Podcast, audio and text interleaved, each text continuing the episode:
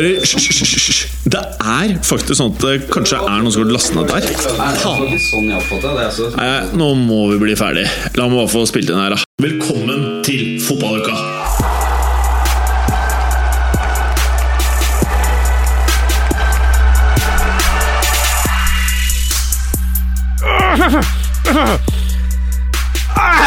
Oi, ja Podkast igjen, gitt. ja, nå er det landslagspause, og det syns jo ganske mange er litt dritt av. Inkludert oss. Men vi har klart å sette opp et meget så spennende skjema for dagen. Og det er nemlig som følger. Hvordan ser de antatte topplagene ut etter de syv første serierundene? mm, spennende, spennende. Og skal vi bruke en del av podkasten til å beefe med de fæle gutta i toppfotball som vi ikke liker, men vi liker litt, da, dessverre. Og så skal vi prate om historien om Carlos Kaiser! Gled dere!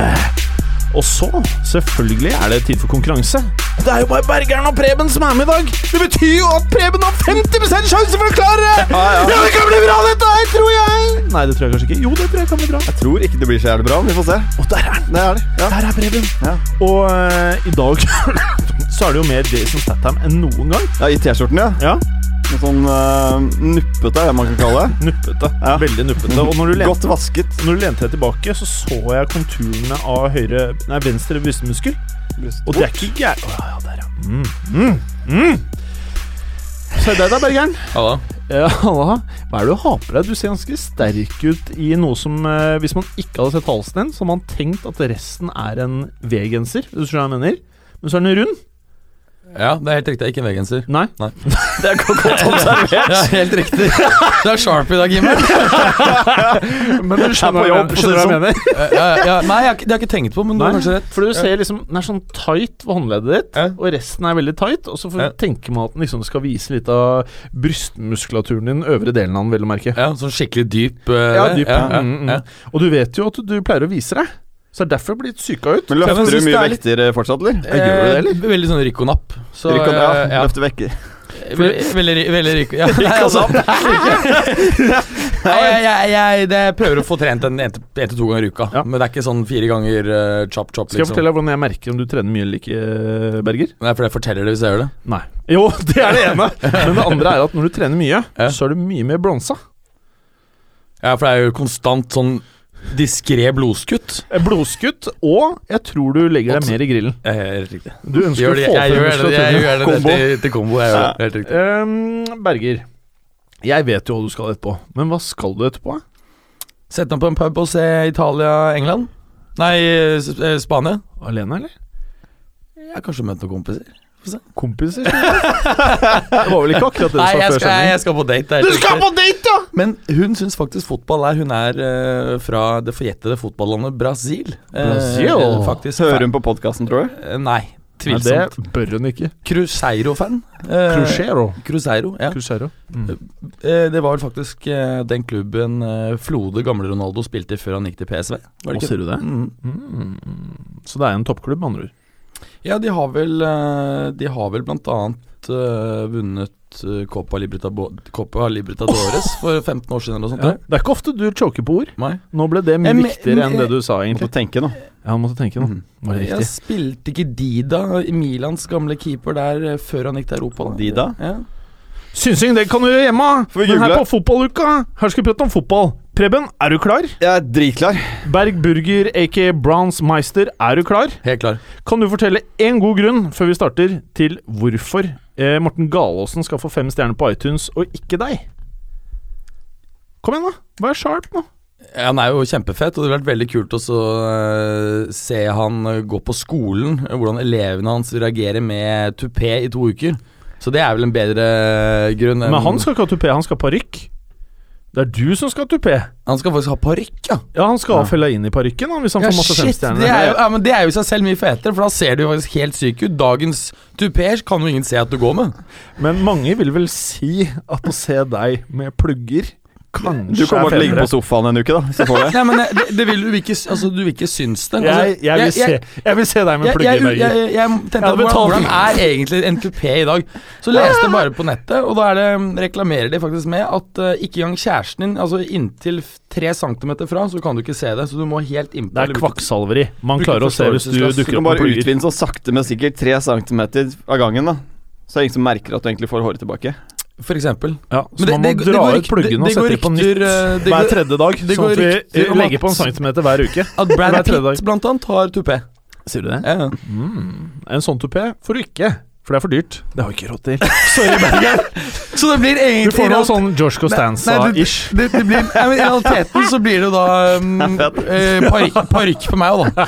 Det blir parykk for meg. vi skal ned under uh, hudoverlaget, som uh, liksom bekler sys skallen. Ja, vi skal Så er det samme som Rooney, koster om 300 000-400 000 kroner. Jeg husker han billige. Nei, det er fint. La oss prate om litt fotball. Ja. Eh, velkommen skal dere være, karer.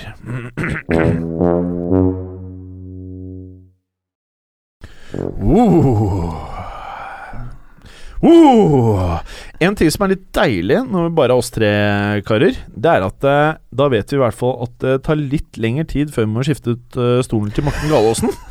Fordi det er jo åpenbart når han ikke er her, så er det mye synligere hvor mye skallen hans faktisk sliter ut stolen. Altså, den brytes ned. Ja, Uke for uke. sikkert. Ja, Sakte, men sikkert, ja. ja, normalt så dekker han jo over den, men eh, det er jo derfor det blir så åpenbart nå. Så på mange måter med en Fellaini-parykk så kan det være at hårstubben ikke gnager og eter seg gjennom skinnputen. Det kan antageligvis som å polere den, altså, eller eh, å gi den eh, næring, så eh, det kan antagelig gjenopprette noe av glansen på stolen. Ja, Kanskje vi må skifte dere to, sånn at du kan ta noe av bakskallebronset ditt på læret. Det kan være en idé. Da blir Mm. Men da er det vanskeligere å få gasen til å få dårlig samvittighet for at han faktisk har ødelagt stolen. ja. Men uh, bare før vi setter i gang her. Toppfotball. Dere hører meg! Martin Roppestad og de andre folka du har med deg. Eh, jeg vet ikke engang hva de heter. Jo, det vet jeg. De er veldig flinke. Men dere er eh, Jeg skal ikke si noe stygt. Men dere driver og messer med oss, og det har vi lagt merke til. Både på den der fæle podkasten deres, eh, verbalt, og også i studio med disse lappene dere henger igjen her. Og dere hengte opp det fæle Vålerenga-skjerfet til irritasjon for Galåsen. Og det er grunnen til han ikke kom i dag! Så fy, dere!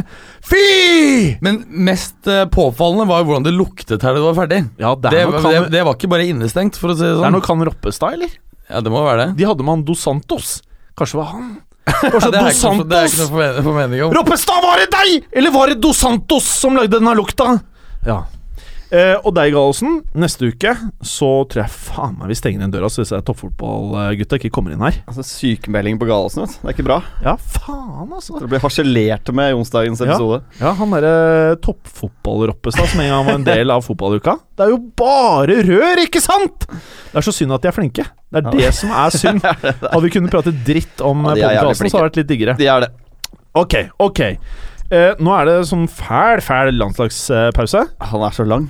Den er så lang. Altså Kommer den så tett på den som var nå nettopp, at Ja. det, det, du har liksom akkurat begynt å komme inn i en sti med kamper, og så er det nye og er det av, noen som eh, bryr seg om landslagskampene? Bryr du deg om landslagskampene, Berger? jeg er helt fan. Du helt faen, men du skal se på de etterpå, da. Ja, men Det er bare for å slipper å snakke så mye. Ja, men det som er, det er jo For mange av de store nasjonene Så er jo dette bare en walk in the park uh, før de skal til VM. Uh, om de taper første matchen mot Moldova eller uh, hvem, hvem de spiller mot, spiller ingen rolle. De kommer til å kvalifisere seg uansett, alle de største. Det er jo litt interessant bare for sånn Irland-type, Norge kanskje, som tror de har et håp om å komme til mesterskap. Det er det eneste på en måte dette her er noe interessant for. Ja, Men så er det også Det er- et element av å få laget til å sette seg. For Jeg husker veldig godt det f.eks. Ja. i 2002-VM, hvordan Frankrike, som da på det tidspunktet, så måtte jo ikke regjerende verdensmester kvalifisere seg, de kunne bare møte opp. Og det gjorde jo at Frankrike spilte En av grunnene antagelig at Frankrike var så inn i helvetes ræva, på tross at de hadde et fantastisk lag. På den annen side så er det to år til mesterskapet, da, så mye kan jo endre seg eh, i- i en stall da, på, på, på et par år. Mm. Og ser helt annerledes ut. Det var det vi tok om landslaget, eller? Fint.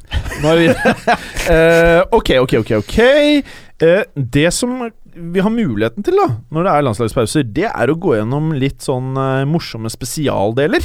Hvor vi kan leke oss litt. Og en av tingene vi alltid prater om når vi er off-air, er jo hvordan er det klubbene egentlig har hatt Eller brukt tiden sin under shoppingvinduet. Eh, så litt av det jeg ønsker å utfordre dere på. Toppklubbene i eh, Premier League. Hvordan synes dere at de har gjort det? Passet spillerne formasjonen? Spillertypene? Hva kunne gjort annerledes? Og jeg starter veldig gjerne med deg, Berge, med selveste Manchester United, som har bare brent dollars. Brent euros.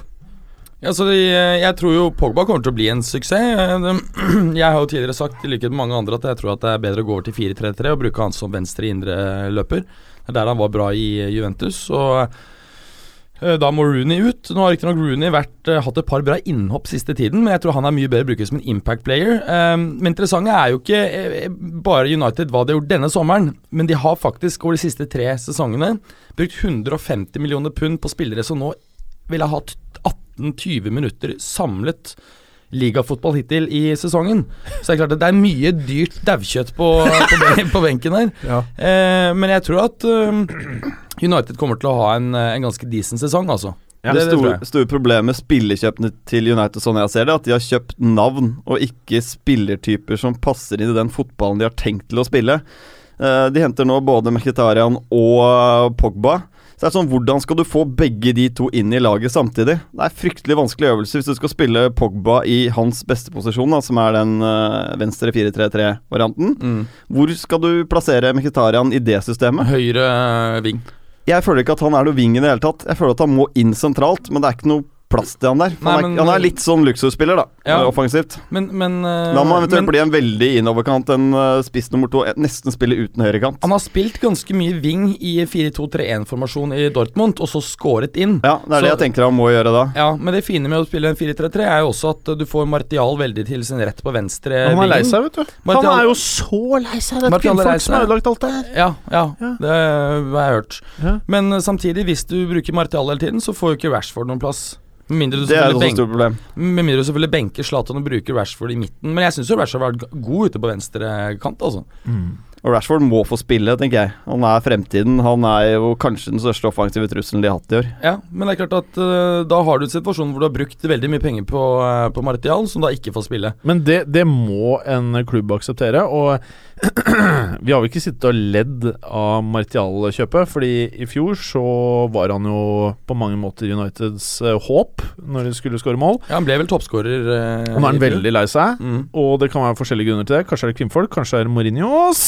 Det vet vi ikke. Men eh, det var jævla mye penger.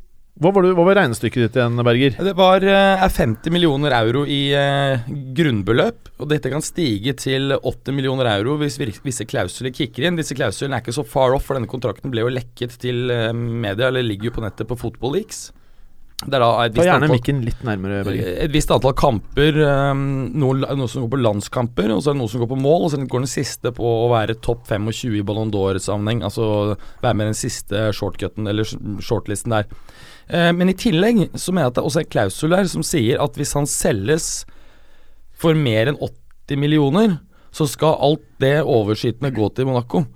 Så det er ikke noen annen oppside enn at han er en god spiller for dem. Nei. Nei. Det er faktisk ingen finansiell oppside. Selv om han skulle bli verdens beste, og så kommer Real Madrid på døren og skal ha han, da er det liksom Det er det Monaco som blir glad, Ja, da blir Monaco veldig glad. og Martial blir happy. Han blir veldig happy. Ja, Mm. Og kanskje kona blir glad igjen.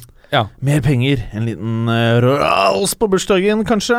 Er ikke, er ikke de skilt allerede? Jeg vet også. de er skilt, ja. Han fikk jo barn da han var 19, og så røk han på en smell eh, når han var på landslagssamling med en annen dame, og så tror jeg det endte opp ut på Twitter. Hun dama tweeta det litt, altså, hun andre dama. Faen, du hadde kontroll på dama til Ja, men jeg leste om det her i sommer. Eh, det var liksom sånn Ok, karen er 20 år, har fått kid og skilt allerede. så Da går det fort, ass. Han og Stirling. Litt sånn Jon Arne Riise-style. Han har vel, eh, hadde vel også to ekteskap bak seg før han var eh, noe i nærheten av 30 år, liksom. Men det er ganske en eh, ganske fet stat, egentlig, når de har fått inn Mourinho nå. Så etter de første syv kampene så har de faktisk tatt tre poeng mindre enn de har gjort under van Gaal på samme tid i fjor. Ja. Mm. Mm. Man hadde liksom trodd at det skulle bli den positive Hva skal jeg si Litt mer energi i spillet da under, under Mourinho. Men det har på en måte virket litt sånn Han virker litt sur. Altså Mourinho, Ja, han, han Ja, har ikke den der eh, kule sjarmen som Han hadde, hadde, i første perioden i Chelsea. Da, da kunne han kommet seg unna med fryktelig mye Ja, fordi han ja. var sjarmerende. Ja. Er Sjarmen har bare Noe annet som er påfellende når du nevner nettopp i sammenligning med På- første Chelsea-perioden, det er nettopp det at uh, da var han ekstremt flink til å beskytte spillerne mot kritikk i media. Han tok på seg alt og var på en måte lynavleder for kritikk. Mens nå har han begynt å skyve spillere uh, ut i media og kritisere dem, sånn som Luke Shaw. Med karen er gammel er han 21, han var borte åtte måneder i fjor eller noe sånt. Så det er klart at han Men, var litt men, eh, eh, det, ikke så sharp. Jeg, jeg syns faktisk ikke det var så gærent, det Mourinho sa. Han sa at vi var dårlige på venstresiden, at vi var dårlige på eh, At vi kunne vært bedre på venstreplassene. Jeg syns ikke at han liksom sa Luke Shaw eh, spilte en dårlig kamp. Jeg syns at det, det, må være, det må være lov å poengtere ting ved spillet som er ganske åpenbart. Ja, Hvor er det vi hadde du- problemer? Vi hadde det- problemer på Det kan du godt si, men på, ja, han får ikke noe mer eh, selvtillit av det. Og du så det samme da det begynte å gå Eller fra ganske tidlig på sesongen i fjor. Det var veldig mye uthenging av en, enkeltspillere i Chelsea, og da bare gravde han graven sin dypere. Men, så men eh, eh, en, ja. en, en ting som er åpenbart, det er at uh, grunnen til at disse tingene sikkert forekommer, er fordi at uh, det er sånn at han har gjort det hele trenerkarrieren sin. Og i hvert fall første Mourinho-boka, som er den mest underholdende fotballboken jeg har lest. Store bokstaver, sånn at kjøtthuset som jeg også klarer å komme gjennom den. Der sier han faktisk at en av virkemidlene som han, eh, får, eh, som han bruker for å få spilleren til å heve seg i enkeltkamper, og også i perioder hvor han føler at det ikke er bra nok på trening, det er nettopp å ikke nødvendigvis henge de ut, men å, det han mener da, er en utfordring. Sånn at eh, hvis du var under paret kontra de andre spillerne, så skal du da føle at det er en utfordring til deg selv. da Fremmaning. Og han gjør det kun, som han sier selv, med spillere han føler kan ta det. Som han føler klarer å absorbere den type eh, informasjon. det, det husker jeg også han, Det gjorde han for så vidt også den første Chelsea-prøven. Husker blant annet Joe Cole, som, som jo periodisk var veldig god. Og så hadde han en liten sånn der eh, downer, og da sa han at Joe Cole må heve spillet sitt. Og da gjorde han det med en Det er gang. jo fair. Og det er fair, men det er klart at hvis det oppfattes som ren uthenging eh, og personkritikk, så, så er det på en måte annerledes. Og da tror jeg ikke du får den positive effekten av det. Han gjør nok mye av det samme, men når han nå har mistet litt av sjarmen, så kommer det helt feil ut. Det, det, det samme han egentlig sa for ti år siden. Og han uh, virker ikke som han har den edgen lenger. Han har ikke et momentum. Han har egentlig ingenting akkurat nå da som tyder på at han er the special one. Uh, en fyr som Jeg føler heller ikke at pressen har samme interesse i han lenger. Nei. Nå er det Klopp Folk er litt lei. Mm. Ja, folk er litt lei. Det er de samme tingene som går på eh, rundgang. Mm. Eh, men uansett, vi må videre. Eh, Men, men det er også ja. en del som har kritisert han og stilt spørsmålstegn ved han kanskje begynner å bli litt taktisk utdatert. Ja. Han tviholder på den 4-2-3-1-formasjonen, og du må tilbake til uh, Inter-dagene hvor han spilte 4-3-3. Jeg tror han må på å revertere tilbake til det, altså, rett og slett. Ja, vi får se. Uh, Preben. Uh, Tottenham. Hvordan vil du si at deres sommer var, og hva kan du lese i spillertypene de har kjøpt? Nei, altså, de, kan si det med en gang, de er jo tidenes beste sesongstart i Premier League, poengmessig. De, de har ikke hatt så mye poeng siden de herja på, på 60-tallet, etter så mange kamper. Så spillerkjøpene syns jeg var, uh, i motsetning da, til, til Manchester United, så har de kjøpt spillertyper som passer den filosofien som uh, Pochettino har. Det er ikke de store navnene. Du har en uh, vet du, Kevin Nkode, da, som kom fra Marseille nesten ingen som har hørt om han før. Men uh, virker som en utrolig spennende spiller. Har fart, teknikk, uh, hodet på rett sted. Og det er altså ganske viktig tror jeg for Pochettino at han kjøper uh, mentalt sterke spillere. Sissoko, spillertype som passer veldig godt inn. Hvis du får litt orden på, på knotten hans, og det ser jo sånn ut som Sissoko vil være med på dette her. Kjøpt Vincent Jansen, ikke mange som har hørt om han. Og ikke minst da Wanyama, som, uh, som er en bargain for 11 millioner pund. Har du merket at uh, Tottenham har uh, en egenskap til å kjøpe veldig unge spillere, og at de unge spillerne funker? Og jeg har lest veldig mye sånn hypoteser rundt hvordan Pochettino liker å bygge opp lagene sine. Og fordi han ikke er spesielt gammel selv, så ønsker han gjerne at det skal være så stor Det er en hypotese, jeg vet ikke om det stemmer. eh, Så stor avstand i alder som det han klarer. For han mener at eh, det å være autoritær også går på alder og tyngde og alt dette her. Med en gang du begynner å hente inn en Zlatan som er 35 eh, Nå har han en sterk personlighet, vel å merke, da, men en annen 35-åring som kanskje har en sesong igjen eller to sesonger igjen, så vil du ha, kanskje ha et problem med å klare å få den spilleren til å kjøpe alt du sier, da. Og det har han nok helt rett i. Mye lettere å forme en uh, 21-åring enn en 30-åring. Uten tvil. Mm. Så får du ofte mye mer energi i de yngre spillerne også. Og så har de vært utrolig flinke da, til å finne de rette typene, så, som har gått litt under radaren. Som Dele Alli var det selvfølgelig en del som ville ha, men billig. Eh, Jeg har nevnt Eric Dyer tidligere også. Alderweireld. Alderweireld. Det er mange vi har nevnt mange ganger. De har truffet utrolig godt.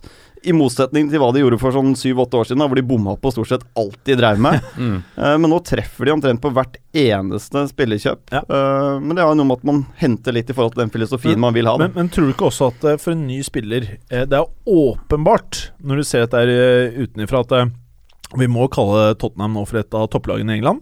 Eh, Det er åpenbart et av de topplagene i England med best harmoni, hvor det virker som det er best stemning, og det kommenterte vi i fotballuka i fjor også. At det, er, det virker som at folk er happy der. Og det tror jeg har veldig mye å si når du skal inkludere nye spillere, men ikke minst unge spillere. Ja, og så er det vel noe med at de spillerne de har hentet, um, er på en måte litt for å få mer bredde i stallen. De har ikke liksom splæsjet veldig mye på én sånn superstjerne som går inn og hever uh, den generelle kvaliteten. Og det gjør at måte, du får den samme dominerende da, hovedkjernen i laget, ikke sant. Og så adder du på litt på toppen istedenfor at du, sånn som United, da, som har hentet liksom Zlatan, Pogba osv. Det beste eksempelet på at Tottenham nå har et system som funker, er at de kan ta ut fem av de gutta som starta matchen i fjor, og fortsatt se like bra ut. Ja. Uh, uten Kane Altså nå mot Manchester City, da. Uten Kane, uten Dembélé og Dyer. Kanskje de tre viktigste desid Jeg vil egentlig si det var de tre desidert viktigste spillerne til Tottenham. tre. kanskje? Ja, jeg kan ta med Aldevarell der, da. Men uh, Enig, blant enig. de aller, aller viktigste spillerne merket egentlig ikke at de var borte i den matchen. Det er så Nei. sykt. ja, da, det er men, så men da funker systemet. Ja, ikke sant. Da er det systemverdien som er stor. Men Ja. så har du, ja, må vi også gi litt kred her til, eh, til eh, Hugo Lloris, Ja. som kanskje har vært den beste keeperen, syns jeg, hittil i år. Tottenham har vel ikke sluppet inn spill, nei, mål fra åpent spill i det hele tatt i Premier League. Tre baklengs, er det vel? Ja, og det er vel fra er dødballer. en- Ja, ikke sant. Mm. Så eh, Tottenham, eh, som jeg sa sist, det tror jeg det er min favoritt til. Og det var jo også før seieren mot, eh, mot City. Min favoritt til å ta faktisk Premier League i år. Et annet godt tegn med Tottenham da, er at de åpne sesongen så spilte de ikke blendende fotball. De var egentlig ganske, ganske dårlig, syns jeg, en del matcher, men de vant Ja. eh, matchene likevel. Og nå så du på en måte at de nærmer seg toppnivå nå uh, mot City.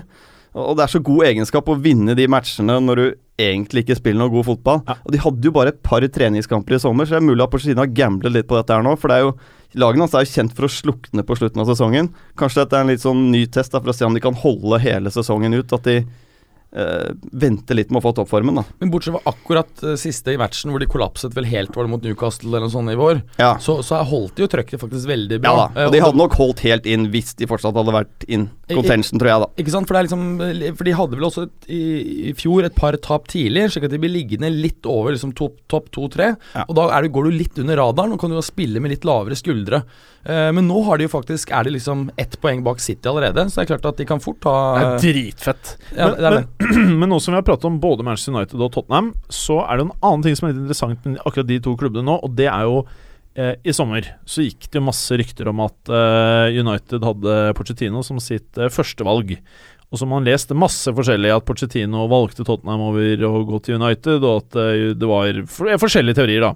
Men tror dere at Pochettino ble tilbudt en uh, coachingposisjon uh, som en leder i Manchester United, Uh, og ikke som assistent til Mourinho eller noe sånn Nei, det teori, ikke- det vil, nei. eh, og at han takket nei til det, ja. tror jeg. For han, han har jo en, en klar idé om hva han ønsker å gjøre. Da måtte han begynt helt på nytt. Det var det han gjorde på en måte med Tottenham. Og selv om han har fått- selvfølgelig fått et større budsjett, han hadde fått Altså det er enda lettere å beholde spillerne i, eh, i United, så vet antagelig det at, eh, at eh, altså de av Tottenhams spillere som har vært linket hos i sommer, har aldri vært aktuelle til å gå, nettopp fordi de ønsker å se hvor langt kan man komme her. Så jeg tror det absolutt er helt reelt. Så er han ung, og så har han ikke dårlig tid. Nei. Men han hadde jo en lunsj med Alex Ferguson, det er jo dokumentert. Eh, så et eller annet har jo skjedd i de samtalene der. For jeg tror ikke det er noen tvil om at, uh, at, at Pochettino er den treneren jeg tenker hadde passet aller best for uh, Manchester United. Sånn det. klubbfilosofimessig. Definitivt. Og så er det jo noe annet uh, veldig spennende her, da. At uh, Tottenham er veldig flinke økonomisk. De får ny stadion. De har allerede et lag som ser meget hot ut nå. og det ser hottere ut om to år, tipper jeg. Så er det beste treningsanlegget i England. Beste treningsanlegget. Og det er i London. Og det er en kultur, og jeg, jeg, jeg tror på mange måter at Tottenham, hvis de gjør akkurat det de gjør nå i et par år til, så skal du ikke se bort fra at dette er et eksempel på hvordan du kan utkonkurrere eh, oljepenger i fotball. Riktig. Jeg er Fordi helt det, enig. det er litt interessant, Jeg tror du har sett det også nå i forhold til den nye TV-avtalen. Det er blitt brukt eh, naturlig nok rekordmye i Premier League. Men jeg tror ikke du kommer til å se at, eh, at du får noe dramatisk mye bedre resultater i Europa. Rett og slett fordi at eh, man glemmer så mange andre aspekter på klubbutvikling. Man tror man kan kjøpe seg til suksess. Og antagelig så vil de klubbene som gjør gode dealer når de selger eh, spillere til Premier League, er de som tjener på det nye TV-tallet til Premier League. Men så vil jo alltid, tenker jeg, eller i hvert fall de neste tiårene, så vil de aller beste fotballspillerne i Europa og verden De vil fortsatt spille i Real Madrid, i Barcelona, i Bayern München. Uavhengig hvor mye cash det er i Premier League, tror jeg, da. Ja. Mm. Ju Juve, da. Juve. Venta på det, Så tar vi Juve. Eh, Manchester City. Ja, hva skal vi si om de? Altså, De er jo on track. Det er uh, ett tap. Og det er ikke krise for noe lag i England å tape eh, borte mot Tottenham, så så ærlig må vi være. Offensivt uh, så ser det jo veldig bra ut. Men så er det jo lille punktet, da, at de har slått nummer 20 på tabellen, nummer 19 på tabellen, nummer 18 på tabellen, uh, så er det nummer 14-13 eller et eller annet sånt nå. Ja, Manchester United er det Ja. eneste antall gode laget som, som de har slått. Så det er klart at eh, dette var den første ordentlige Antatt gode. Ja. Eh, Ja, ja, men vi, alle, vi, jo, men altså, Premier League er- jo Men Si- så ærlig må vi være at vi har kommet dit. hvor At faktisk, det er ikke helt Nei, nei. sykt å si det du Altså, sa. et av, et av de antatte topplagene skal vi antagelig hvert år nå fremover se at går ordentlig på trynet, som Chelsea gjorde i fjor. Ja. Og femteplass er ikke gigant Og- på trynet lenger. Og vi må Nei, jo kanskje kunne si at av de antatte toppklubbene, så er United de vi er minst imponert over på overgangsmarkedet. Ja. Ja, ikke, ja, I hvert fall i poengfangsten så langt, og Ja, men- spillemessig. Ja, men ikke bare det. Pogba det er ingen tvil. Liksom, det er no-brainer. Altså, du kunne sittet hvor som helst og kjøpt Pogba og du hadde pengene. Det er, det er ikke det som Altså er Hadde det vært fotballmanager, så hadde, Ja. hadde det funka dritbra. Men det er noe med at virkeligheten er ikke som fotballmanager. Det er Jævlig synd, da. Du hadde vært ja, ja. jævlig dyktig. Vi Ja, ja. spiller fotballmanager, Men eh, eh, det er noe Kanskje det er så enkelt som at eh, de var vant til å handle spillere på én måte, som var The Ferguson Way, at han ikke trengte en horv med spillere, en horv med stjerner. Han fant én eller to eller tre som ville passe inn, og kanskje innimellom så var det en stjerne, og det var en dyr spiller. Mens det de gjør nå, nå beveger de seg ut på sånn Real Madrid-farvann. og så har de ikke henta halve Barca-styret, sånn som Manchester City gjorde. De har heller ikke gjort sånn som Chelsea gjorde. Så de, de har en uerfaren eh, fyr som skal sitte og dra i snorene, og ting viser seg å ikke bli så veldig bra. Nei, jeg tror det absolutt er et godt poeng. Ja. Mm. City! City, ja. Nei, det som har vært problemet med City så langt, er jo at uh, han har jo ingen Lam eller Alaba eller Alonso i oppspillsfasen. Altså Når de skal prøve å spille seg ut der, ha en sånn super ballsikre karer, det, det har de ikke. Det er Sagna, det er uh, Fernando, Fernandinho, altså gode spillere, men de er ikke, når de blir satt under press, så gjør de feil. Uh, sånn som Alonso i Bayern München mister jo ikke Men ballen. Gondogana Gundogan er en veldig veldig bra fotballspiller. Jeg syns det var rart han ikke startet eh, på White Hart Lane. Det ble kanskje litt for defensiv tilnærming der, men jeg, jeg syns de kanskje det største problemet er at de er eh, for dårlige på å forsvare egen boks. Eh, dødballer og innlegg imot, så har de ikke den luftstyrken Altså, de er ikke kongen i egen boks, da. Som Ja, de så bør være. savnet de vel De Bruyne også øh, sist. Men Det er, gjorde de, ikke, er ja. ikke Manchester City et lag som skal kunne konkurrere selv uten De Bruyne? Jo, men det er klart at han er Jeg, syns han har vært den kanskje enkeltspilleren som har vært aller hottest uh, hittil i sesongen. Mm. Så det er klart at da vil jo alle lag merke at han Men, ikke men vi er er vel alle enige om at City er liksom det nærmeste Real Madrid i Premier League akkurat nå? Sånn spillemessig. Det er det absolutt. Men Ja, ja. jeg, jeg, tror de kunne trengt eh, enda bedre forsvarsspillere, rett og slett. Jeg, jeg, Otamendi er for vill i stilen. Det blir for mye frispark. Det blir for mye rør da, rundt Otamendi. Han er en fotballukastopper. Det, det skjer det, det. skjer jævlig mye rundt. Det er vilt, ikke sant. Han lagde straffe forrige kamp og burde kanskje vært utvist tidlig i matchen osv. Så, videre. Så og, fet sveis, da. ja, og Kolarov har jo vi konkludert med tidligere at er ikke noen forsvarsspiller. Han er mye bedre offensivt enn han er defensivt i spillet sitt. Altså en Veldig god offensivt, uten tvil. Sagna, Sabaleta Ganske jevne middels høyrebacker vi snakker her, altså. Ja. Så, så bakover har de en utfordring. Jeg tror faktisk John Stones kan bli bra på sikt. Det- men det han tror er ikke også. Dødsgod til å forsvare egen boks ennå. men jeg syns han har faktisk vært litt bedre denne sesongen enn Ja, det på det verste er i. Everton i fjor. For da, Ja. det var helt sånn bare Ja. Men eh, så Stones kommer til å bli bra, og så er det klart at Hvor lenge var det Kompani var på banen før han var ute igjen? Det var jo ikke veldig lenge. Han må være ferdig som fotballspiller. Ja, altså det er jo Han et burde eller annet spilt i Arsenal. Men det er bare Men eh, det jeg bare lurte på eh, Nolito. Hva syns vi om han? Veldig imponerende. Eh, ja, Han har hatt en viktigere rolle enn det jeg hadde trodd han skulle ha. Mm. Mm. Overraskende god, sånn som jeg har tenkt. Jeg får tenkt litt sånn Pedro-vibe Ja. eh, over han. Litt sånn fyr Du vet at han har Guardiolas back. Hvis det blir Leven og agenten til Toré er lei seg i garderoben, så er sikkert Nolito en sånn fyr som står og nikker bak Guardiola til alt han sier. Yes, yes, yes, I. Men han, er en god spiller, Ja. men, men han er jo ikke noe game changer i, i toppmatchene, sånn som jeg ser det. Han, er en sånn, han gjør en god jobb, men han er ikke Når det kommer til de der nøkkelmatchene, og vi skal begynne å snakke litt Champions League-sluttrunde der, da, så ser jeg ikke at Nolito er mannen som uh, på en måte er eneren. Men- da er det fortsatt De Bruyne, Silva, Sterling, var noe, Aguero. var det noe poeng å kjøpe noe Lito når du hadde en Jesus Navas i backup? Han er dårlig, ass. Shit. Ja, altså um...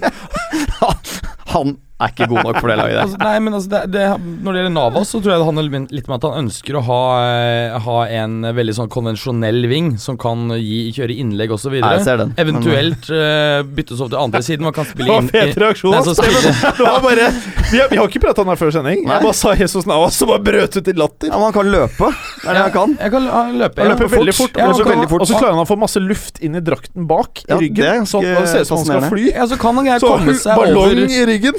Ja, men så kan han greie å komme seg forbi én mann, ikke sant, og så løpe ned og, så, og gi innlegg. Men det er klart at uh, bytter han over på andre siden og bruker han invertert, så er han ikke den som dribler tre stykker og skyter i, i, i Nei, men krysset. det er litt synd å si. Det er liksom vanskelig å se noen engelske lag dominere noe særlig i slutten av Champions League. Da. Sånn som det ser ut akkurat nå, Ja. så, så er det vanskelig å se at eh, de er bed, altså, like gode eller bedre enn Juventus, Atletico Madrid, også Bayern Real. og- Og det er derfor liksom det der argumentet med at uh, de ikke slapper av i, ved juletider, og at det er så hardt program det, det, Lagene er ikke bra nok. Nei, Det er de er liksom jo ikke det. er. Spesielt defensivt.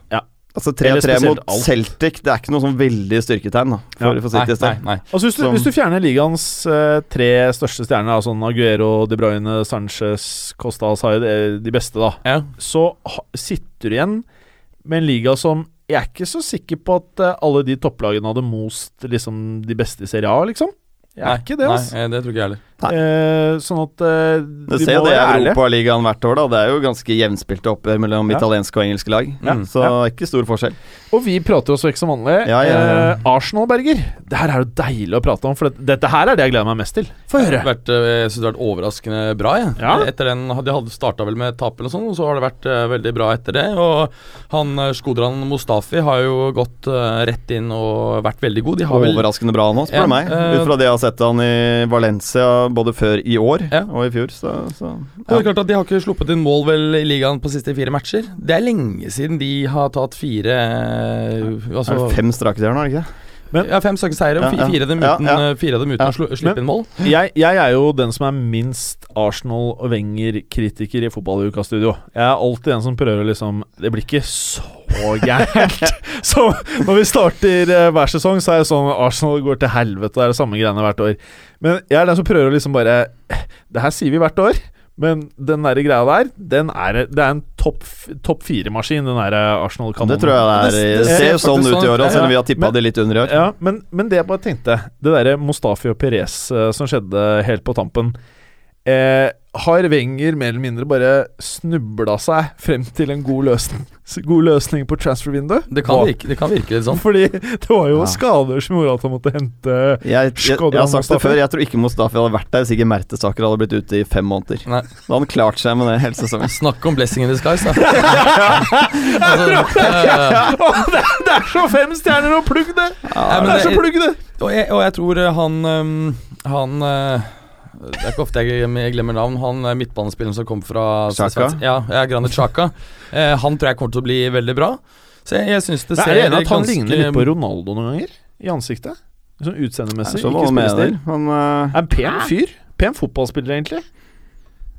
Ja. Eh, Berger, er jo sjokka? Alt har sansen for Tsjekk, jeg. Så er det med hjelmen. Så er det med hjelmen. Men du syns ikke han blir for blek, da? Du som er bronsemeister. Eh, jo, han burde tegna litt. Ja, fordi Sjaka det er liksom, Han har noen spisse trekk i ansiktet. Ren, flott hud, flott hår. Jeg har ikke Eh, tenkt på det, faktisk. Ja, ta så se litt på den. Og fornavnet Det er ganske kult fornavn. Granit er. Granit. Ja. Granit. Ja, det det. Men, eh, men Arsenal, da, på sitt beste Det er ingen som spiller fetere fotball i England eh, enn Arsenal på sitt aller, aller beste, spør du meg. enig. enig. Men, så når det klikker, så er det pent. Og så syns jeg det var spesielt imponerende det at de greide å slå Burnley borte nå. Det er jo et lag som vi vet er ekstremt gjerrig på hjemmebane, og de greide å skåre 1-0-målet på overtid. Noe kontroversielt, Jo, kan man jo si. jo, men poenget er altså, det er den type Ja, ja. som, som Det er flyt. måte, Ja, det er flytt. Det er flyt. Det er marginer. og Det er Leicester-marginen. Og det er så Arsenal ikke greier det på tampen, uansett hva, hva årsaken er. Det er veldig Arsenal. Så, så, ikke sant? Og at de greier det nå, det er liksom sånn og så det går han rundt og er lei seg etterpå med Ja. ja. boblejakka. Men, test, ja, men testen for Arsenal nå blir jo at de ikke får den derre down-perioden på fem-seks kamper, da hvor de tar to-tre poeng. Altså, Det er er snakk om å holde det det sånn relativt jevnt. Gjør de det, selvfølgelig er det med i gullkampen. Ja. Men det har liksom vært hvert år, da, så har de fått den der lille breaken hvor de ikke tar et jævla poeng. Selv om dette er nesten mer interessant, så må vi holde oss til det vi egentlig prater om. Og det er har de kjøpt rette spillertypene, og hva skjer med denne Perez-karakteren? Er han på laget? Spiller han i Arsenal? Hvor er han? Eh, Ja, jeg møter kjøpt rette spillere. Ja, veldig bra. Mm. Nei, jeg synes dette, dette er første gang på mange år at Arsenal har hatt en god transfer campaign.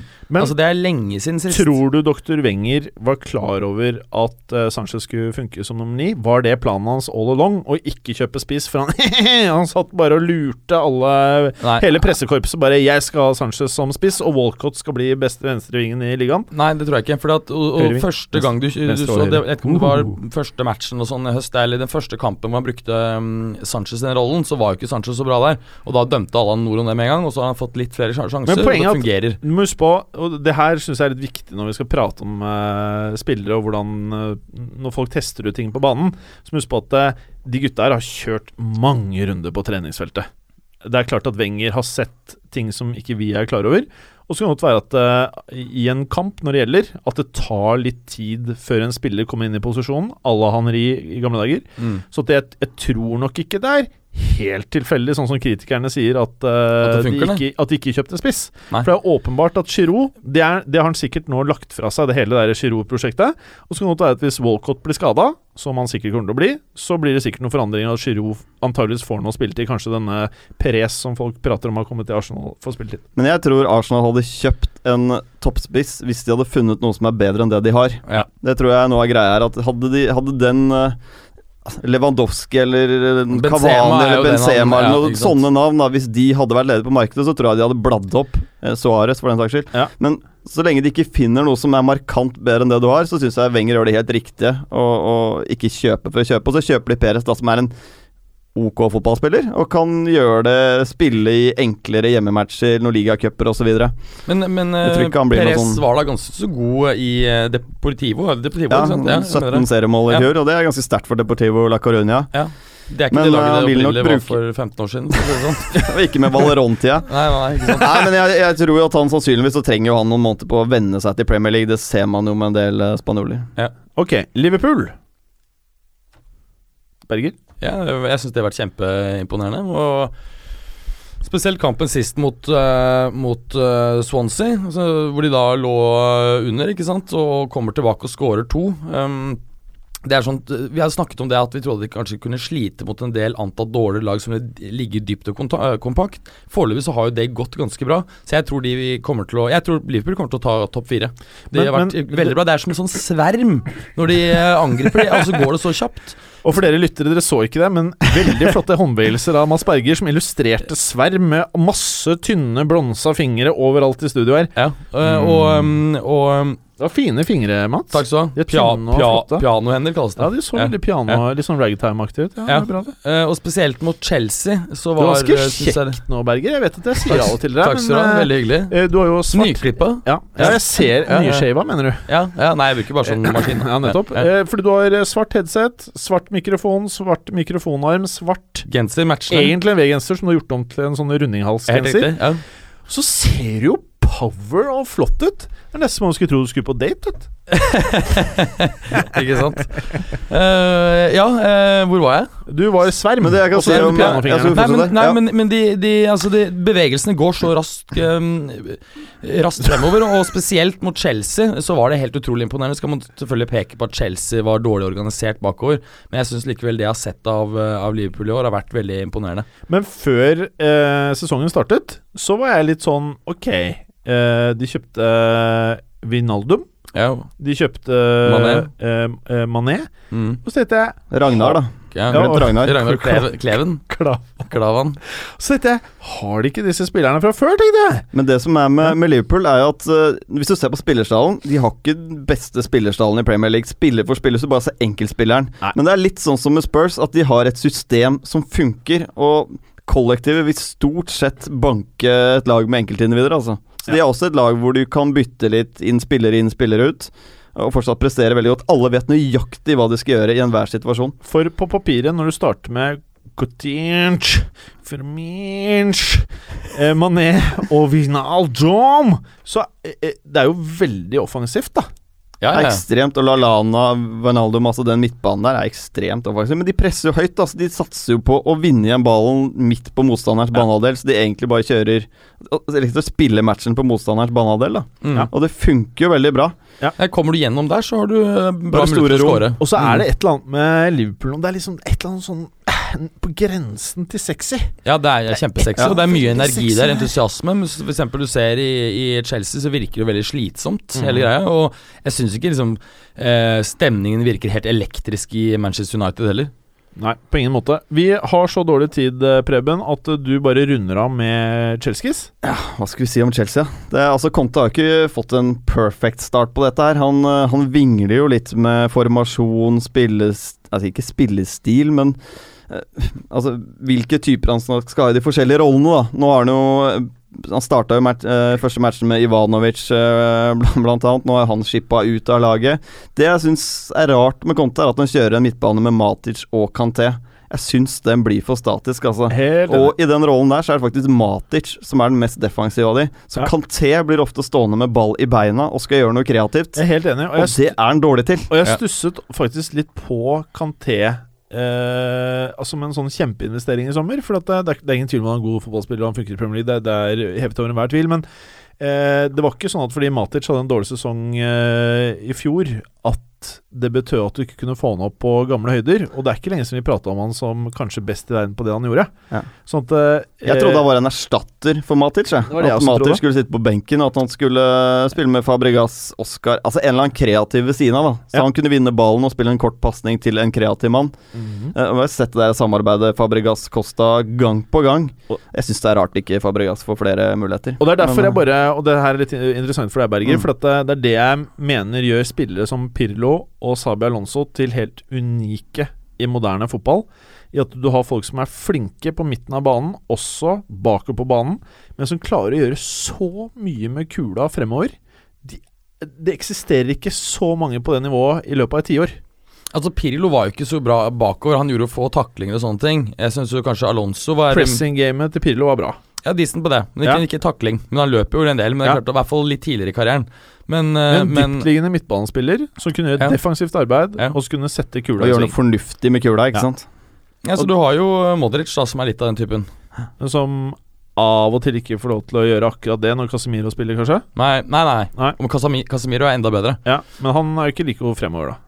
Nei, absolutt Ja, Det er ikke. greit så lenge han kjenner Ikke rollen sant. sin. ikke sant? Han vinner ballen og får den bare kort til en kreativ mann. da For, for nå blir på en måte Edna Hazard får jo ikke ballen i, i de posisjonene han skal ha den for å være god. Han blir ikke spilt god.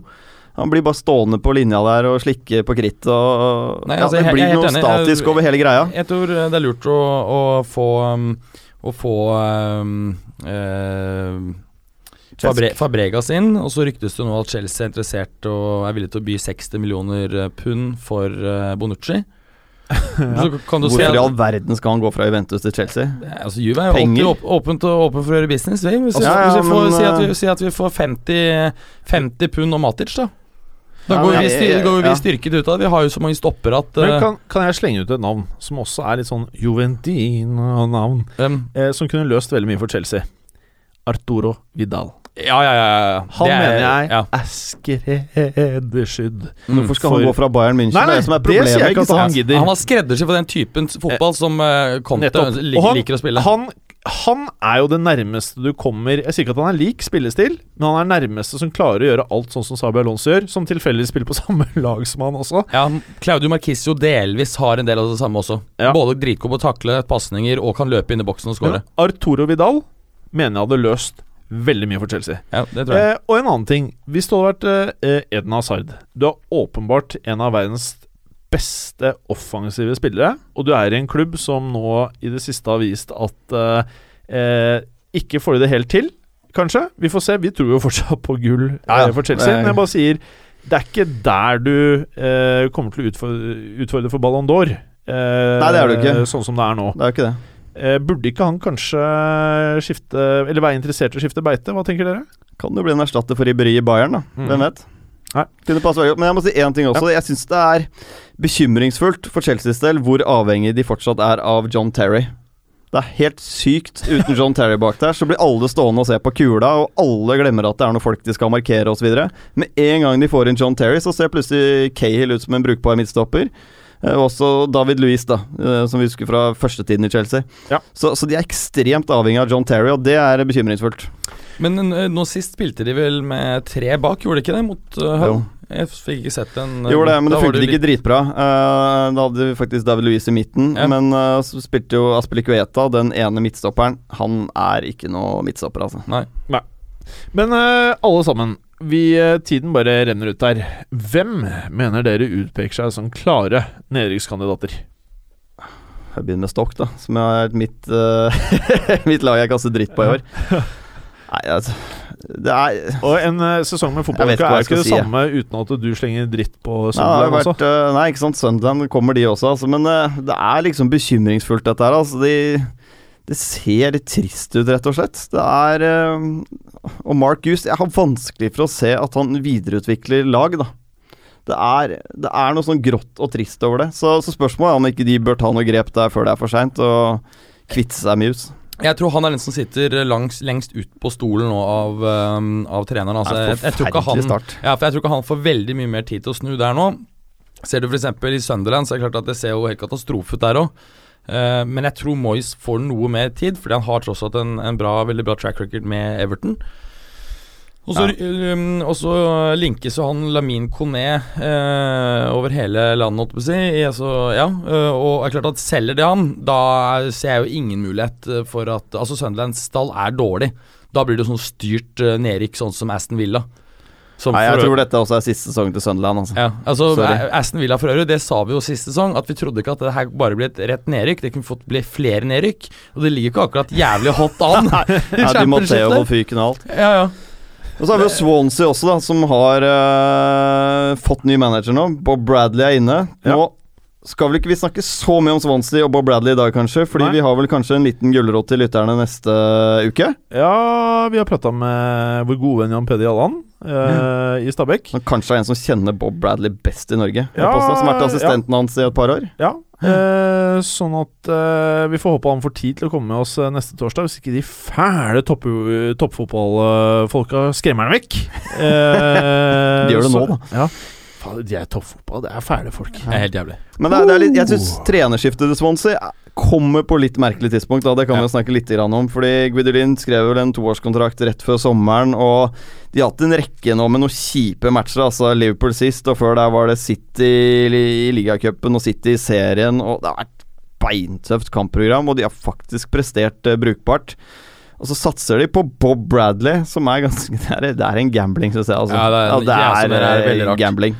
Eh, altså, en, en, altså Det er, er noe helt annet å ta over Swansea i Premier League enn Ja. det å gjøre det veldig bra i Tippeligaen, hvor nivået er så elendig. Ja, det vet Eh, vel og, Det hadde ikke toppfotball innrømmet, kanskje? Vi tar det Kristoffer sa i dag på, uh, ja. på en tweet, med på WhatsApp eller noe sånt. Se på norsk eh, fotball er som å se på trav med kuer. Ja, det er, det, det, er, det, er, det er en bra analogi. Jeg liker den. Ta denne toppfotball! Ikke sant? Og så, hadde han en periode da i, i league, eh, league død. Eh, og det er klart at eh, det er jo ikke toppliga, det heller, for å si det sånn. Så det er klart at eh, det her er eh, et ekstremt risikabelt trekk av uh, Swansea. La oss ikke lage for mye faenskap nå før Jan Peder kommer i studio, så vi ikke skremmer han vekk sjæl. Og så er det Burnley og Hull da, som sannsynligvis kommer til å være nede der. Da tror jeg vi har fem lag som kommer til å peke seg ut som de bottom five. altså. Ja, ja, altså jeg tror, føler jo ikke at Stoke og Westham i utgangspunktet er uh, nedrykkskandidater. Westham uh, ser Jeg jeg, tror de ikke på får nok poeng. ja, ja, og jeg tror ikke de kommer til å sparke, sparke treneren. Um, Boro er jo potensielt nedrykkskandidater, men de har jo gjort det egentlig helt greit. Og det virker som uh, ting går ganske greit der etter at Aitor Karanka vel sa opp i fjor og kom tilbake igjen. Uh, veldig kort tid etterpå. Eh, altså, han ble jo drittforbanna og sa opp i raseri, og så kom han tilbake. Så det ses Ja. Du vet hvor eh, Preben skal nå? Han skal til påfyll. Ja, sendte påfyllet. Um, kan, nei, så det er kan- vel gått gjennom det viktigste på, på nedrykksbiten, altså. Men kjus. Hughes kan fort eh, ryke hvis ikke skuta i Stoke eh, snus når landslagspausen er over. Åh, da er jeg ferdig med det, og vi skal over til noe jeg gleder meg veldig til. Et lite øyeblikk, lytter. Et lite øyeblikk. Og by the way, dere lyttere, gå gjerne inn på Twitter og skriv et eller annet hashtag dritt om toppfotball. Maybe someone's uh, don't like me, but because I'm maybe I'm too good. I don't know why. He has zero titles, and I have a lot of them. Listen, I've just told you I'm concentrating on my football, which I'm doing all summer. There's only one Zlatan. Sure? Yeah. You know Zlatan? It was your hand or the hand of God? Cheers. For me, man. I thought it was funny. Ok, Preben. Eh, Carlos Kaiser. Hva, hva kan du si når jeg sier de to ordene? Er Tidenes eh, Hva skal jeg si? Er tidenes feteste, mest uh, bisarre Altså, det er, det er så snodig, den historien. At eh, Det er historien om Carlos Enrique Raposo, og hvordan han eh, på 80-tallet, snakker vi vel? Ja, hvor ja. han eh, lurte fotballverden trill rundt. Altså, han, det Kallenavnet Kaiser fikk han fordi han da som ung eh, lignet på Der Kaiser, altså Frans Beckenbauer. Oh, ja. Så han var en høy og sterk Vi kan begynne. Han var en høy og sterk eh, kar. Han så ut som en fotballspiller.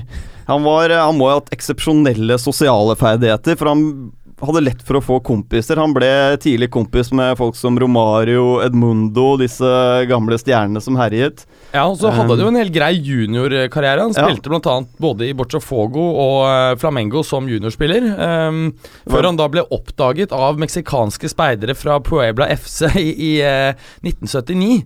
Uh, og, og dro da til, til Mexico, men han ble sluppet etter noen måneder uten å ha debutert. Så taktikken til Carlos Kaiser da, var jo å få korttidskontrakter. Um, og det han alltid skyldte på i starten, var at han ikke var eh, Dette er en mann som selvfølgelig ikke hadde fotballferdigheter. Han skyldte på at han ikke var helt matchfit, så han trengte å bruke første måneden med fysisk trening for å komme seg opp. Så basically så bare løp han rundt fotballbanen i en måned. Første balløkten så, så sa han alltid at han fikk lårstrekk. Mm, Kjørte alltid på lårstrekk. Han hadde fått rørt en ball. Bare ante der kom hamstringen! Og det var jo før det var teknologi for å faktisk skanne dette her, så man kjøpte jo det, da. Ja, At ja. han var uh, Så jeg prøver å si han var smart. Han var veldig smart. I tillegg så hadde han jo masse kompiser som var journalister. Som, eh, som skrev sånne fete saker om at han hadde gjort ditten og datten og var superstar i det og det landet. Blant annet så skrev de at uh, i etterkant, av noen år etter denne episoden hvor han var på korttidskontrakt i Mexico, at Ja. han hadde vært så god at han fått tilbud om uh, meksikansk statsborgerskap, for, for, slik at de da kunne spille landskamper for Mexico. Men han hadde jo aldri, hadde aldri toucha en, eh, en ball i det hele tatt. Og det her fortsatte, og når han var tilbake i Brasil blant annet, så bytta han en ny, eh, en ny teknikk. Det var altså å kjøpe eh, Dette er på 80-tallet hvor mobiltelefoner var eh, lite utbredt, men han kjøpte da leketelefon. Og så kjørte han da fake samtaler hvor han latet som han snakket engelsk. og, bare, og, og liksom sånn Å ja, jeg fått tilbud derfra. Ja, men jeg trives så godt her og sånn, for da å liksom øke sin egen stjerne. Og det her ble han vel faktisk eh, opptil flere ganger avslørt på, blant annet um, en klubblege i var det flamenco på midt på 80-tallet som snakket flytende engelsk. Sa det her er jo ikke engelsk, det er jo bare bullshit. Og har funnet ut at det var en fake telefon Ja. også. Han holdt på med ja, ja, ikke sant? Så det en kule fra Han gikk jo til Frankrike, for han skjønte jo alle kompisene hans De dro til Europa og tjente store penger. Så tenkte han eh, jeg må også komme meg til Europa, det er der penga er. Så han fikk en kontrakt med Ashakio på, på Korsika. Eh, og da var det sånn presentasjon hvor han eh, skulle de ville jo at de ville arrangere en treningsøkt i forbindelse med denne presentasjonen. Slik at de skulle se, se hvordan han var i, i action. Da, for han var jo en brasili... Altså De regnet med at de hadde kjøpt en brasiliansk stjerne her. Og, og godeste Carlos Kaiser fikk jo helt panikk. Og det første han gjorde, var å ta alle ballene, skyte de opp på tribunen. Til fansen. Mens, til fansen mens han kysset klubbemblemet. Han ble jo en kjempehit blant fansen, men treningsøkta ble selvsagt avlyst Ja, ja, ja. på grunn av dette her. Og så var det jo eh, neste klubb han var i, for det her var jo vel eh, Her var han vel faktisk helt år i Ja, ingen Eh, og så var det neste klubb han var i. ehm, det var, til, var, eh, var en klubb i, i Brasil som heter Bangu. Eh, og der eh, insisterte etter hvert han som eide klubben og finansierte Gilde, at han ønsket å se han spille, for de lå under, eller, de lå under og så var han her spiss, da. Uh, og så pushet han uh, Steinar på at jo, send han innpå nå. Og det han gjorde da, var at han isteden lagde slåsskamp. Noen av fansen var påstått at de hadde slått etter noen av spillerne. Og da ble han direkte utvist før han hadde kommet seg på banen, så han kom seg unna. Mens han varmet opp, slåsskamp for å få rødt kort. Og så, så påstod han at jeg hadde kalt han en tyv og løyet om han. Og så bare Å ja, så det er ikke din skyld likevel. Han fikk til og med kontraktsforlengelse, gjorde han ikke det? Jo, han fikk til, ja, det førte til og med til kont kontraktsforlengelse i, eh, i denne klubben her. Ja, det er helt uh, sjukt, altså. Men det som er, han la jo opp som 39-åring eller noe. Altså, han holdt til dette her jævlig lenge. Ja, ja. Men han endte jo uten en scoring i hele sin karriere og har spilt 20 matcher eller noe. Nei, nei, han hadde én scoring. Var det det? scoring hadde han han hadde Ja. scoring. Eh, Det var vel faktisk i den der Bangu-klubben var til slutt får, men han hadde da bare én scoring, men aldri fullført en match. Det er ganske sjuk historie, ass. Ja, Det er sånn Man må sjekke opp om det er sant, men uh, ja han, var jo altså da, han var jo altså profesjonell fotballspiller ansatt eh, for, for å gjøre det i, eh, i veldig mange år. Det er ganske sjuk greie. Det er sjuk greie. Eh, da kan vi gå rett over på konkurransen, og vi har en kort, kort, kort, kort konkurranse i dag. Eh, har dere noe lyd eh, klare, karer? Ja, ja, ja. Jeg kan bare ta veldig kjapt der, for vi har jo ehm, noen fans da som har skrevet til oss, uh, selvfølgelig, på Twitter. Og på uh, anmodning da fra oss, da, hva er det dere har lyst til at vi skal prate om? Så jeg har fått litt uh, forskjellige ting, da. Den her er litt kul. Der er V2K, en av favorittene våre. Hvem i redaksjonen er sterkest på pardudansen? Spørsmålstegn. Savner straff til konkurransen for taperen, aka softgun, som Radioresepsjonen bruker. Hvem tror du er best på eh, dansen? Jeg tror faktisk Galåsen, i og med at han er så høy og eh, hengslete. Så kanskje han kunne fått jeg. til noe som ser ganske sexy ut. Kanskje vi skal filme neste uke? Partydansen. Ja. Se hvem som er best på den, rett og slett. Og så er det Geir Kleiva. Åh, favoritten vår, Geir Kleiva. Troa på at Guardiola kutter ut internettet på City sitt treningsanlegg for å få de mer sammensveiset. Mener han da liksom om det har noe for seg, da? Det, det, det høres Jeg tror det har motsatt effekt, spør du meg. I forhold til, jeg tror trivsel er vel øh, De fleste har jo vært fotballspillere eller vært i et idrettslag selv. Altså Trivsel er jo kanskje det viktigste for at du skal prestere. Jeg har ingen tro på at du skal bli spleisa når du spiser lunsj, f.eks. At du blir trykka til å sitte med en kar du egentlig ikke har noe god kjemi med. At du ikke kan surfe på internett osv. Jeg tror det har helt motsatt effekt. Nei, det tror ikke jeg. For det er ingenting som tyder på at folk hadde lavere trivsel før internett kom, så det tror jeg er eh, bra. Henrik Lervik skriver Bob Bradley til Swansea, suksess eller nedrykk? Benken til Juventus for gode, uh, for gode benkslitere? Spørsmålstegn. Tjukken on fire. Uh, hva mener du, Berger? Har Juventus for gode folk på benken? Burde de egentlig spilt? Nei, jeg tror uh, man driver en fornuftig rotasjon. Det er klart at på, På høyre vingbekk har man jo tre stykker, altså både Daniel Wes, Lichsteiner og Cuadrado. Mm. Jeg føler vel kanskje ikke at vi egentlig har behovet for eh, Cuadrado. Skal man huske på også at eh, drømmen for stort sett alle som spiller italiensk fotball, er å spille for Juventus. Og det å være en del av Juventus-troppen er kanskje større enn å spille fast for uh, Bologna, da, for å si det sånn. Ja, det er Ikke det. Er det. Mm. Og så det siste, Geir. Alfakrøll Geirmann. Hva blir avstanden mellom nummer én og to i de fem store ligaene denne sesongen? Ho, det er vanskelig. Skal vi gå gjennom alle de fem ligaene? Ta én, da. La oss ta Spania. Spania ett poeng. Ett poeng. Ett til. Mellom, mellom ditt, eh, første og tredjeplass? Første og andre. I Ja, I Italia. Italia tipper jeg 15. 15. Mm. Enig. Mm. All right. Vi har tid til en konkurranse. Hva er din lyd, Preben? Vi går for uh, noe jeg bare sjanser på dette her er bra, og går for den. Cool story, bro. Cool story, bro. Det var uh, random knapp. Dette kan bety at du kan vinne i dag. Så det er an bare gitt. idiot. You're an idiot. You are an idiot, ja. Ja. Nettopp. På spørsmål om England-jobben er interessant One day, if I'm free, why not? A. Arsen Wenger. B. Sir Alex Ferguson. C. Harry Redknapp. Cool story, bro. Det var deg, Preben. Det er uh, Arsen Wenger, altså, som stiller seg disponibel. Ja, det er helt riktig.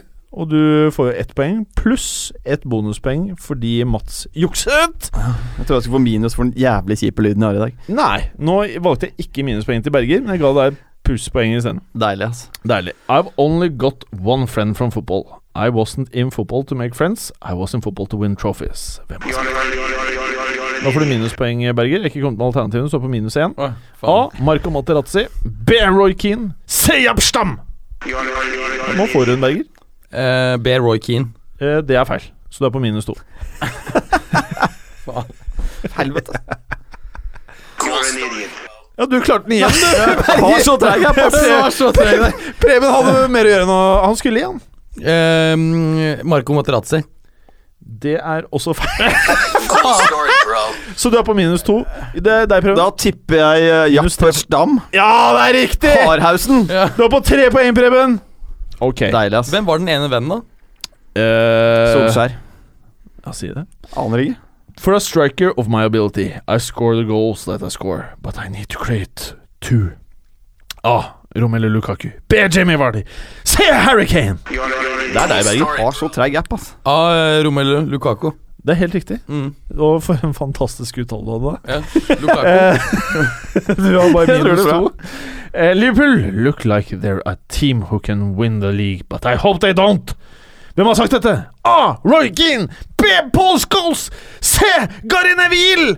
Cool story, Ja, det er det, bro. Men, I all Du må nesten begynne å jukse. Jeg vet jeg må her. begynne å trykke B. for tidlig. Paul Scholes. Det er så feil! Du får minus. Du er på minus tre. Igjen.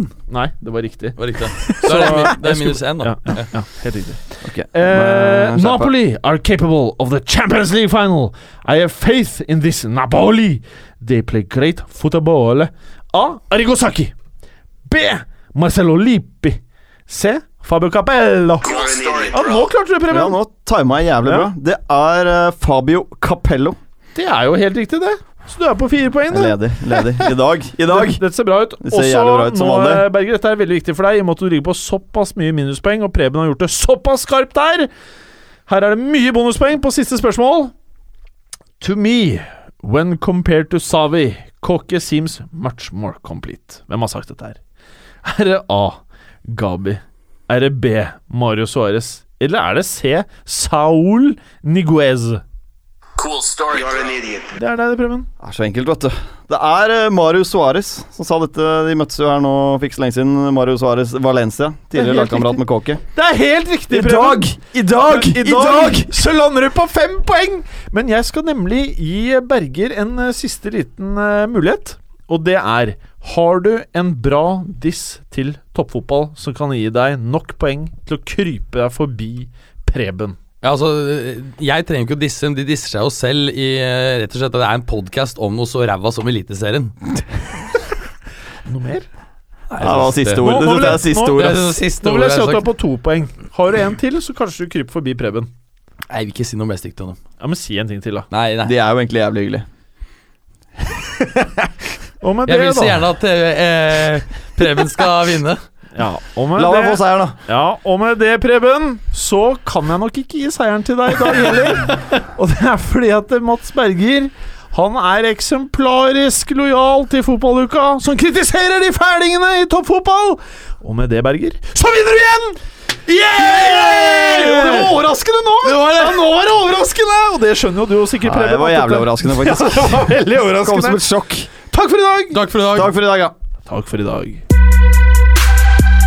Takk for at du hadde høre på. Vi er Fotballuka på Twitter, Facebook og Instagram. Følg oss gjerne. Men bare få høre. Den tror jeg blir litt fet.